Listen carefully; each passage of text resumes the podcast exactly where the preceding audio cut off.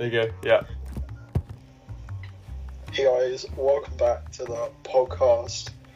We're not in further maths today, we're in physics. And we're going to discuss why walls work. You know, if you look, all historic walls, they've just worked. You know, the Great Wall of China to stop the progression, the progression of the Mongolian Empire. That's it for episode three.